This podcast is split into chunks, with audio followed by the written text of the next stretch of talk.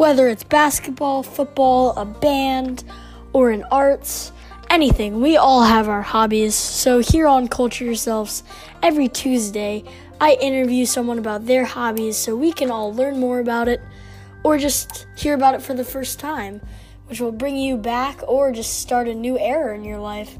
So every Tuesday at 8 o'clock, Culture Yourselves on Apple Podcasts or Spotify. And um, yeah, that's our podcast. Please check it out.